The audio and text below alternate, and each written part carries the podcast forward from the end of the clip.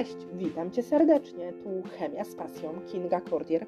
Witam Cię w kolejnym odcinku mojego podcastu. Dziś podcast o parakwacie, organicznym związku chemicznym, który jest herbicydem. Stosowany był od 1961 roku. Ze względu na jego toksyczność został on zakazany w Unii Europejskiej w 2007 roku. Więcej informacji na temat parakwatu w dzisiejszym podcaście zapraszam. Parakwat to dichlorek 1,1-dimetylo-4,4-bipirydyniowy. Ma on postać kryształków bezbarwnych lub żółto-szarych, działających żerąco na błony śluzowe i skórę, stosowany jako herbicyd. Ze względu na dużą toksyczność został zakazany w Unii Europejskiej 11 lipca 2007 roku. To, o czym wspomniałam na początku. Wielkiej Brytanii występował w handlu pod nazwą Widol do użytku domowego bądź Gramoxon do użytku dla rolnictwa. Gdy wprowadzono wspomniane Widol na rynek, zaczął się on cieszyć naprawdę wielką sławą. Niestety, zdarzało się, że był używany jako środek do popełniania samobójstw bądź też zabójstw. Zdarzały się też niestety zatrucia wśród dzieci, kiedy to roztwór Widolu pozostawiony przez dorosłych w butelce po napojach był mylony chociażby z Coca-Colą. Dla osoby dorosłej śmiertelna dawka parakwatu wynosi od 3 do 4 gramów. W latach 1980-1987 w Wielkiej Brytanii zanotowano ponad 1000 przypadków zatrucia parakwatem.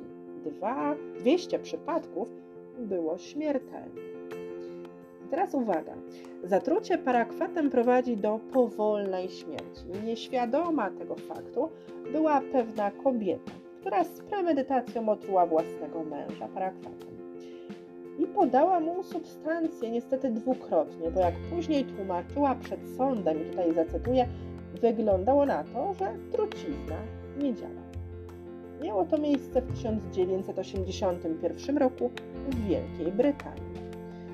Parakwat nie był jednak taką idealną trucizną, ponieważ łatwo można go było wykryć w ciele ofiary. Podobnie stało się też w tym przypadku omówionym przeze mnie przed chwilką.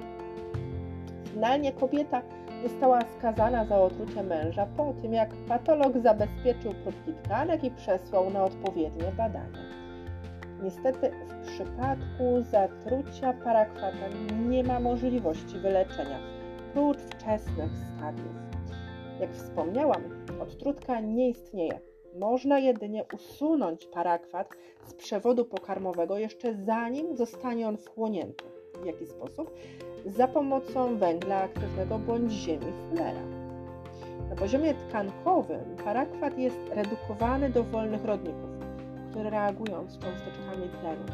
Powstają wówczas aniony ponadtlenkowe, które przyczyniają się do tworzenia reaktywnych rodników hydroksylowych, powodujących uszkodzenie komórek organizmu.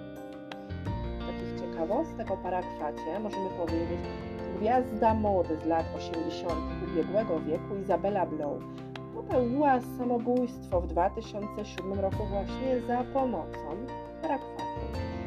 Z kolei w latach 70. XX wieku rząd Stanów Zjednoczonych spryskiwał parakwatem pola konopi z Meksyku. Na koniec chciałabym jeszcze wspomnieć, skąd wynika duża toksyczność parakwatu w stosunku do układu oddechowego. Otóż parakwat ma pewne podobieństwa, powinowactwo do substancji występującej fizjologicznie w naszym organizmie, dla której istnieje mechanizm przenoszenia jej do płuc. Dlatego właśnie parakwat nie jest roznoszony równomiernie po całym organizmie, akumuluje się w płucach. Dziękuję Ci za odsłuchanie dzisiejszego odcinka. Jeśli zaciekawił Cię temat, już teraz zapraszam Cię na kolejne.